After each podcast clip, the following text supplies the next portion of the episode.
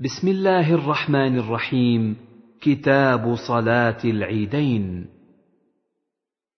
وحدثني محمد بن رافع وعبد بن حميد جميعا عن عبد الرزاق.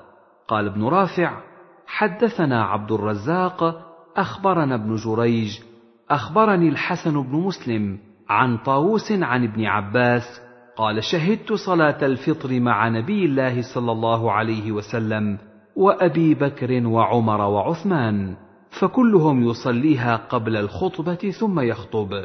قال فنزل نبي الله صلى الله عليه وسلم كأني أنظر إليه حين يجلس الرجال بيده ثم أقبل يشقهم حتى جاء النساء ومعه بلال فقال يا أيها النبي إذا جاءك المؤمنات يبايعنك على الا يشركن بالله شيئا. فتلا هذه الآية حتى فرغ منها. ثم قال حين فرغ منها أنتن على ذلك؟ فقالت امرأة واحدة لم يجبه غيرها منهن. نعم يا نبي الله لا يدرى حينئذ من هي. قال فتصدقن. فبسط بلال ثوبه ثم قال هلم فدا لكن أبي وأمي. فجعلن يلقين الفتخ والخواتم في ثوب بلال. وحدثنا أبو بكر بن أبي شيبة وابن أبي عمر. قال أبو بكر حدثنا سفيان بن عيينة حدثنا أيوب قال سمعت عطاء قال سمعت ابن عباس يقول أشهد على رسول الله صلى الله عليه وسلم لصلى قبل الخطبة. قال ثم خطب. فرأى أنه لم يسمع النساء فأتاهن فذكرهن ووعظهن وأمرهن بالصدقة وبلال قائل بثوبه فجعلت المرأة تلقي الخاتم والخرص والشيء. وحدثنيه أبو الربيع الزهراني حدثنا حماد حا وحدثني يعقوب الدورقي حدثنا إسماعيل بن إبراهيم كلاهما عن أيوب بهذا الإسناد نحوه. وحدثنا إسحاق بن إبراهيم ومحمد بن رافع. قال ابن رافع حدثنا عبد الرزاق أخبرنا ابن جريج أخبرني عطاء عن جابر بن عبد الله قال سمعته يقول إن النبي صلى الله عليه وسلم قام يوم الفطر فصلى فبدأ بالصلاة قبل الخطبة ثم خطب الناس فلما فرغ نبي الله صلى الله عليه وسلم نزل وأتى النساء فذكرهن وهو يتوكأ على يد بلال وبلال باسط ثوبه يلقين النساء صدقه. قلت لعطاء زكاة يوم الفطر؟ قال لا ولكن صدقة يتصدقن بها حينئذ تلقي المرأة فتخها ويلقين ويلقين. قلت لعطاء احقا على الإمام الآن أن يأتي النساء حين يفرغ فيذكرهن؟ قال إي لعمري إن ذلك لحق عليهم وما لهم لا يفعلون ذلك. وحدثنا محمد بن عبد الله بن نمير حدثنا أبي حدثنا عبد الملك بن أبي سليمان عن عطاء عن جابر بن عبد الله قال شهدت مع رسول الله صلى الله عليه وسلم الصلاة يوم العيد فبدأ بالصلاة قبل الخطبة بغير أذان ولا إقامة ثم قام متوكئا على بلال فأمر بتقوى الله وحث على طاعته ووعظ الناس وذكرهم. ثم مضى حتى أتى النساء فوعظهن وذكرهن فقال تصدقن فإن أكثركن حطب جهنم. فقامت امرأة من سطه النساء سفعاء الخدين فقالت لم يا رسول الله؟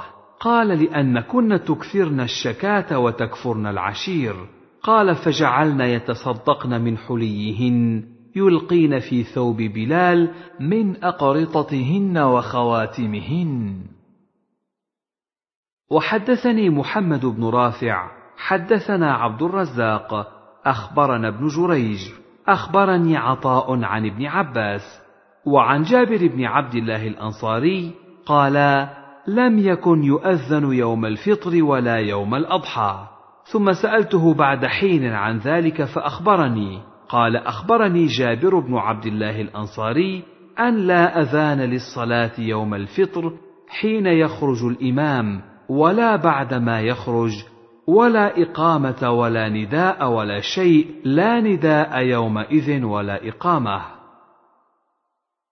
وحدثني محمد بن رافع حدثنا عبد الرزاق أخبرنا ابن جريج أخبرني عطاء أن ابن عباس أرسل إلى ابن الزبير أول ما بويع له أنه لم يكن يؤذن للصلاة يوم الفطر فلا تؤذن لها.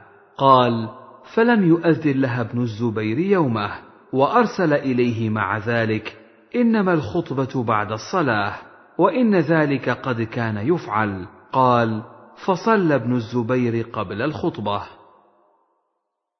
وحدثنا يحيى بن يحيى وحسن بن الربيع وقتيبة بن سعيد وأبو بكر بن أبي شيبة.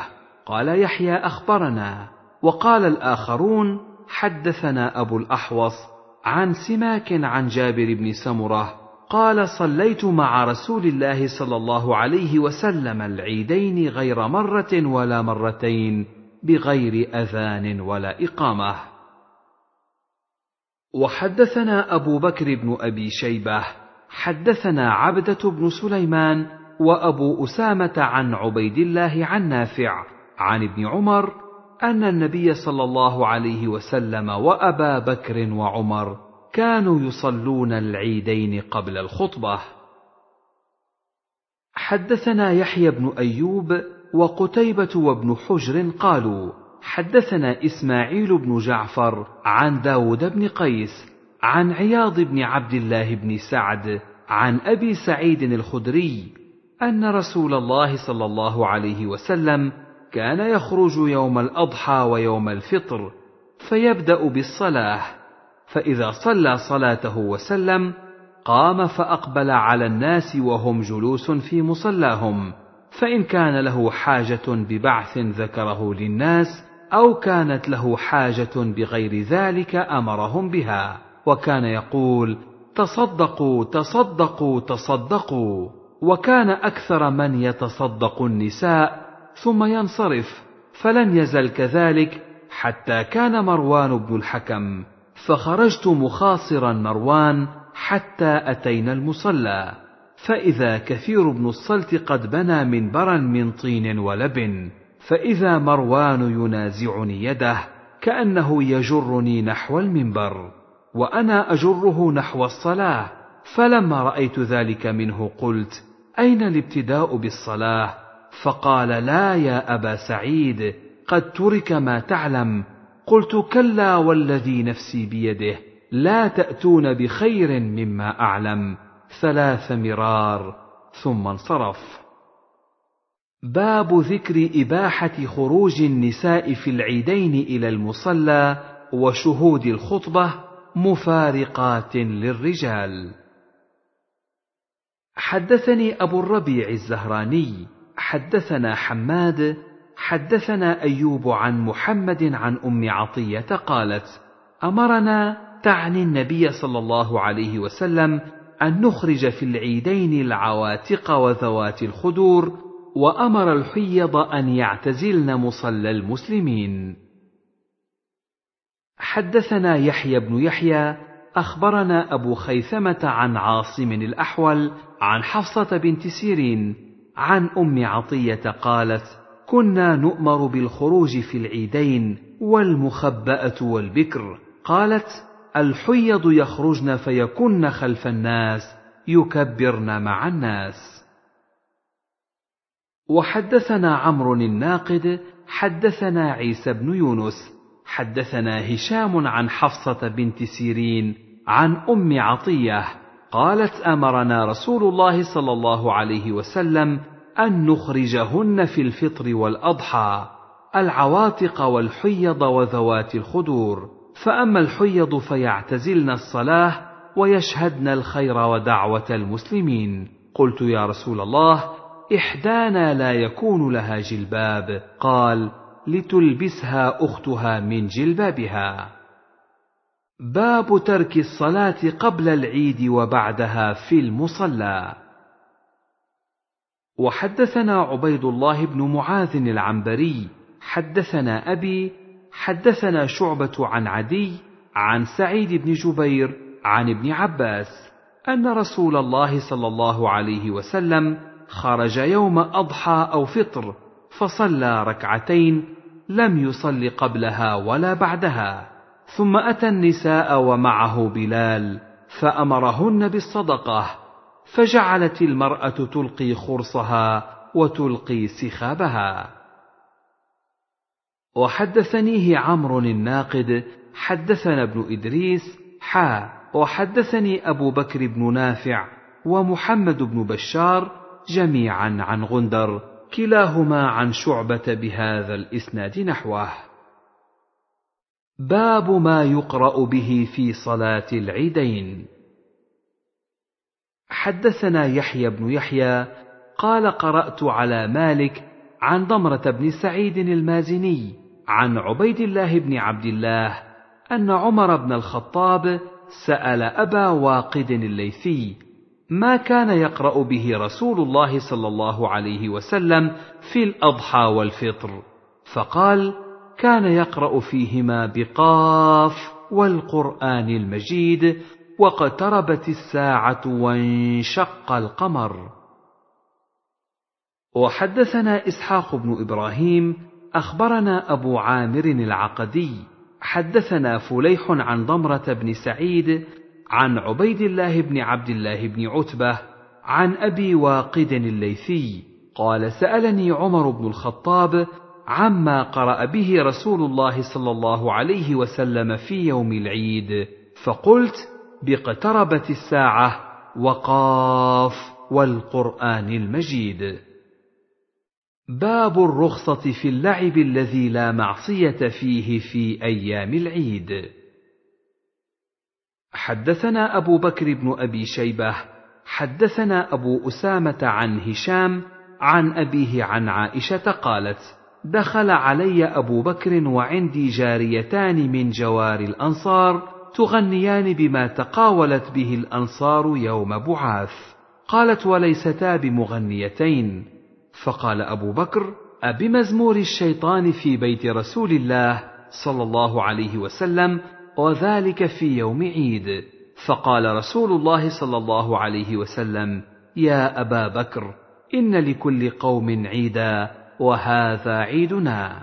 وحدثناه يحيى بن يحيى وأبو كريب جميعا عن أبي معاوية عن هشام بهذا الإسناد وفيه جاريتان تلعبان بدف.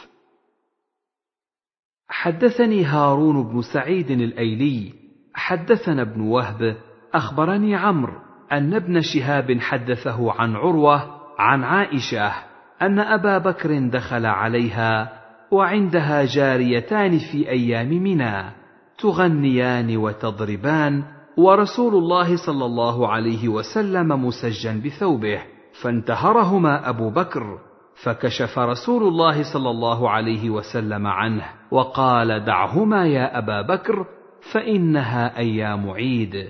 وقالت رأيت رسول الله صلى الله عليه وسلم يسترني بردائه وأنا أنظر إلى الحبشة وهم يلعبون وأنا جارية فاقدروا قدر الجارية العربة الحديثة السن. وحدثني أبو الطاهر أخبرنا ابن وهب أخبرني يونس عن ابن شهاب عن عروة بن الزبير قال قالت عائشة والله لقد رأيت رسول الله صلى الله عليه وسلم يقوم على باب حجرتي والحبشة يلعبون بحرابهم في مسجد رسول الله صلى الله عليه وسلم يسترني بردائه لكي أنظر إلى لعبهم ثم يقوم من أجلي حتى أكون أنا التي أنصرف فاقدروا قدر الجارية الحديثة السن حريصة على اللهو. حدثني هارون بن سعيد الأيلي ويونس بن عبد الأعلى واللفظ لهارون. قال حدثنا ابن وهب أخبرنا عمرو أن محمد بن عبد الرحمن حدثه عن عروة. عن عائشة قالت دخل رسول الله صلى الله عليه وسلم وعندي جاريتان تغنيان بغناء بعاث. فاضطجع على الفراش وحول وجهه. فدخل أبو بكر فانتهرني وقال مزمار الشيطان عند رسول الله صلى الله عليه وسلم. فأقبل عليه رسول الله صلى الله عليه وسلم فقال دعهما. فلما غفل غمزتهما فخرجتا وكان يوم عيد يلعب السودان بالدرق والحراب. فإما سألت رسول الله صلى الله عليه وسلم وإما قال تشتهين تنظرين؟ فقلت نعم فأقامني وراءه خدي على خده وهو يقول دونكم يا بني أرفدة. حتى إذا مللت قال حسبك قلت نعم قال فاذهبي. حدثنا زهير بن حرب حدثنا جرير عن هشام عن أبيه عن عائشة قالت جاء حبش يزفنون في يوم عيد في المسجد فدعاني النبي صلى الله عليه وسلم فوضعت رأسي على منكبه فجعلت أنظر إلى لعبهم حتى كنت أنا التي أنصرف عن النظر إليهم. وحدثنا يحيى بن يحيى أخبرنا يحيى بن زكريا بن أبي زائدة حا وحدثنا ابن نمير حدثنا محمد بن بشر كلاهما عن هشام بهذا الإسناد ولم يذكرا في المسجد. وحدثني إبراهيم بن دينار وعقبة بن مكرم العمي وعبد بن حميد كلهم عن أبي عاصم واللفظ لعقبة. قال حدثنا أبو عاصم عن ابن جريج قال أخبرني عطاء أخبرني عبيد بن عمير أخبرتني عائشة أنها قالت للعابين وددت أني أراهم. قالت فقام رسول الله صلى الله عليه وسلم وقمت على الباب أنظر بين أذنيه وعاتقه وهم يلعبون في المسجد. قال عطاء فرس أو حبش. قال وقال لابن عتيق بل حبش. وحدثني محمد بن رافع وعبد بن حميد. قال عبد أخبرنا وقال ابن رافع حدثنا عبد الرزاق.